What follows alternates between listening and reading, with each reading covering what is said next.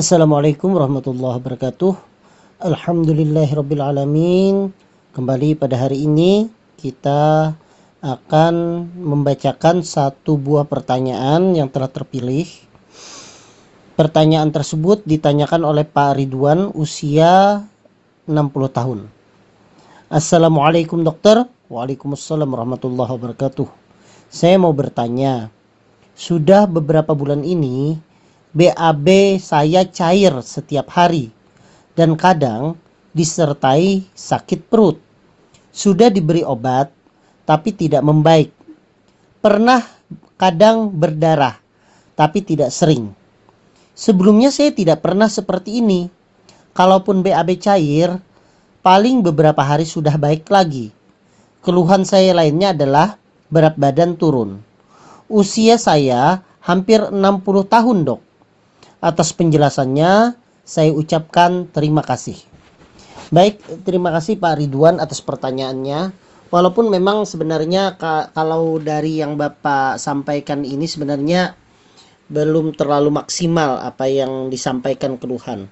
Karena BAB cair ini apalagi sudah lama itu banyak sekali uh, diagnosa bandingnya kemungkinan-kemungkinan yang terjadi.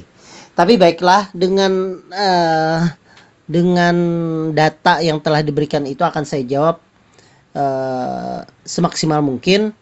Jadi Pak Ridwan itu menderita BAB cair dan sudah berbulan-bulan. Baik, kita berbicara definisi dulu.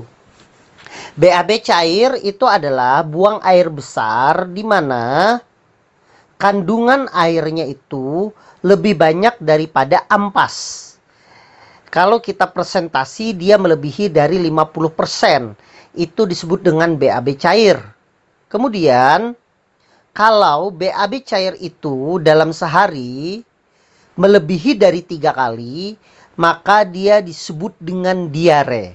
Nah, saya tidak bisa memastikan apakah pariduan ini sudah masuk kategori diare atau tidak.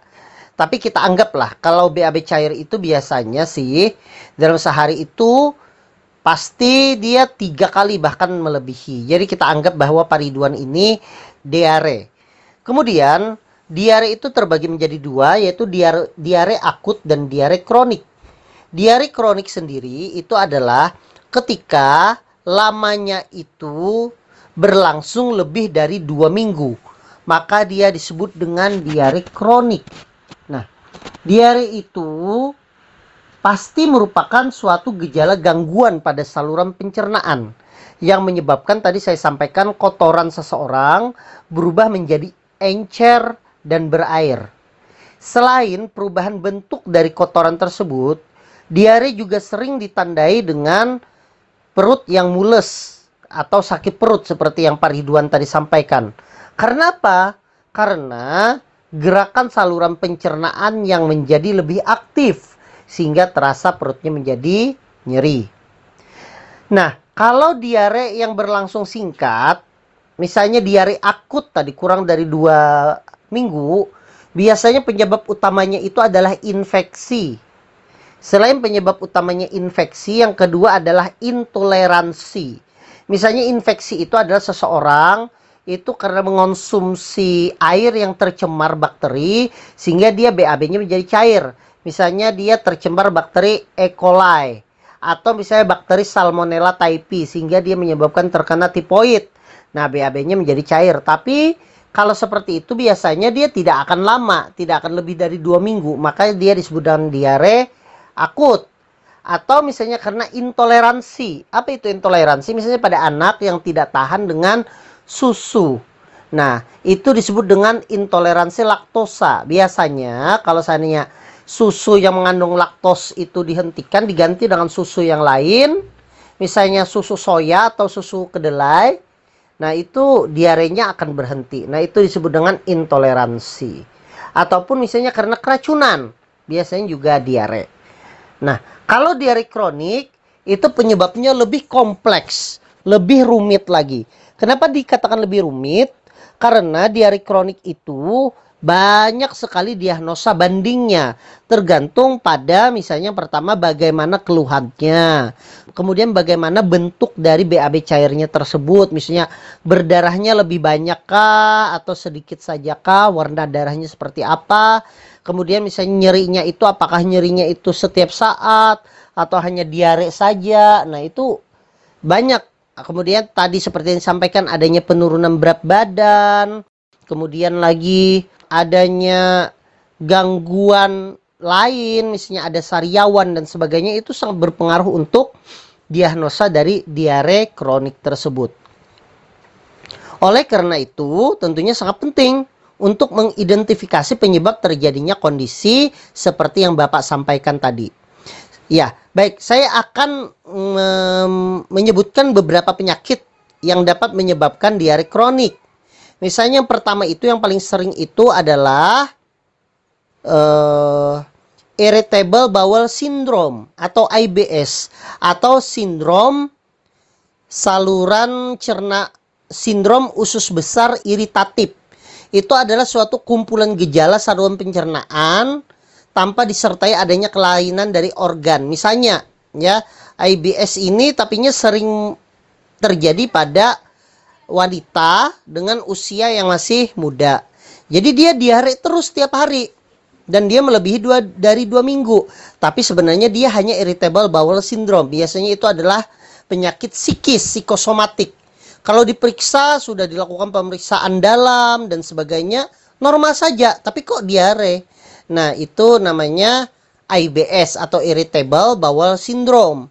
Kemudian ada lagi namanya penyakit radang usus atau dalam bahasa Inggrisnya disebut dengan inflammatory bowel disease ya atau penyakit radang usus.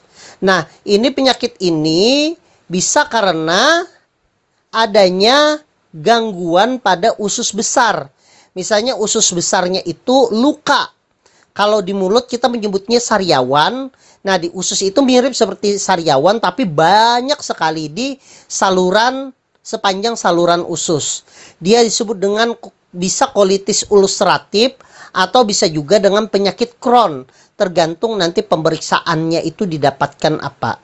Nah, ini juga menyebabkan seseorang terkena diare kronik, ya. Nah, diare kronik ini disertai kadang dengan darah. Kadang orang menjadi lemes karena karena dia berdarah terus HB-nya menjadi turun sehingga lemas. Kemudian juga kadang berat badannya menjadi turun. Nah, tapi IBD ini atau inflammatory bowel disease ini ini lebih sering mengenai orang dewasa menengah. Misalnya usianya 40 tahun, 50 tahun ya itu walaupun tidak menutup kemungkinan juga seperti pariduan usia mendekati 60 tahun juga bisa terjadi tapi seringnya itu antara 40 sampai 50 tahun IBD ini. Nah, kemudian yang ketiga adalah karena misalnya keganasan. Keganasan itu misalnya ada tumor ganas di usus besar yang menyebabkan sumbatan dari usus besar tersebut. Sehingga BAB-nya itu tidak bisa keras karena dia tersumbat. Akhirnya dia harus encer keluarnya tersebut. Ini juga kadang disertai BAB darah. Karena kadang e, kalau tumornya tersebut ganas dia cepat dia apa namanya dia rapuh tumornya tersebut. Sehingga kadang dia berdarah keluar.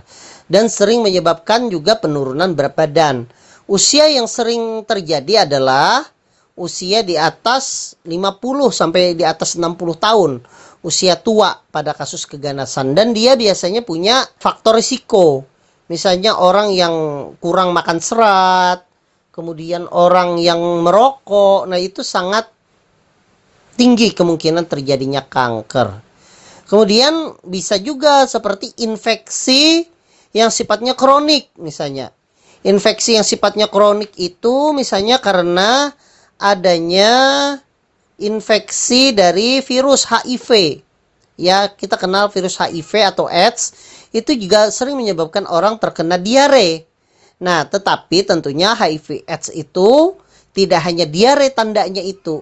Misalnya, tandanya itu adalah orangnya sariawan, kemudian tumbuh jamur di lidah, badannya demam, pembesaran kelenjar getah bening, berat badannya turun drastis, kemudian punya faktor risiko misalnya eh, faktor risiko kemungkinan terinfeksinya HIV. Dan jarang misalnya HIV ini pada uh, usia di atas 50-60 tahun biasanya pada usia produktif antara 20 tahun, 30 tahun, 40 tahun itu sering terjadi. Nah, kemudian selanjutnya ada infeksi lain seperti infeksi parasit, misalnya amebiasis atau misalnya adanya penyakit kandung empedu yang kronik, misalnya karena ada peradangan kantung empedu itu bisa menyebabkan diare kronik juga.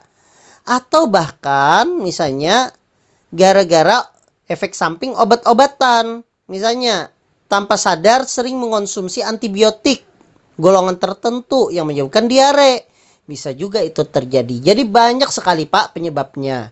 Jadi saran saya Pak Ridwan untuk mengetahui lebih lanjut lagi, sebaiknya kontrol saja ke dokter penyakit dalam di praktek agar lebih bisa mengetahui lebih spesifik lagi bahkan mungkin diajurkan untuk pemeriksaan lanjutan untuk mengetahui itu. Nah, untuk mengetahui itu apa saja pemeriksaannya banyak. Misalnya pemeriksaan kotoran dulu, pemeriksaan tinjanya untuk mengetahui apakah ada bakteri, apakah ada darah di situ ataukah ada hal lainnya. Kemudian kalau perlu dilakukan namanya ronsen.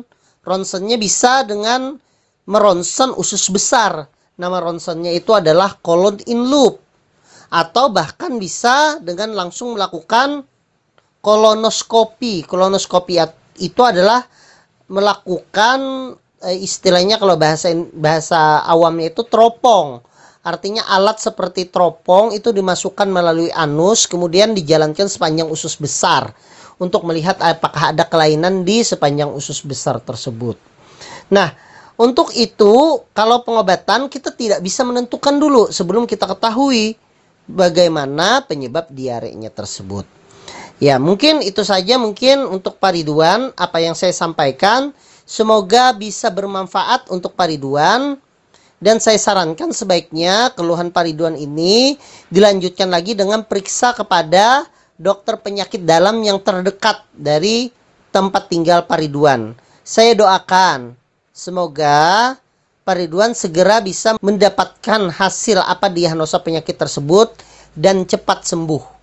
Saya doakan juga kepada seluruh jamaah yang mendengarkan penjelasan saya ini, semoga selalu diberikan kesehatan oleh Allah Subhanahu wa taala sehingga kita semua dapat melaksanakan ibadah secara baik, secara sempurna dan melakukan kebaikan kepada sesama sehingga kita menjadi orang yang bermanfaat bagi sesama. Demikian yang saya sampaikan, semoga bermanfaat bagi kita semua. Saya tutup dengan ucapan wassalamualaikum warahmatullahi wabarakatuh.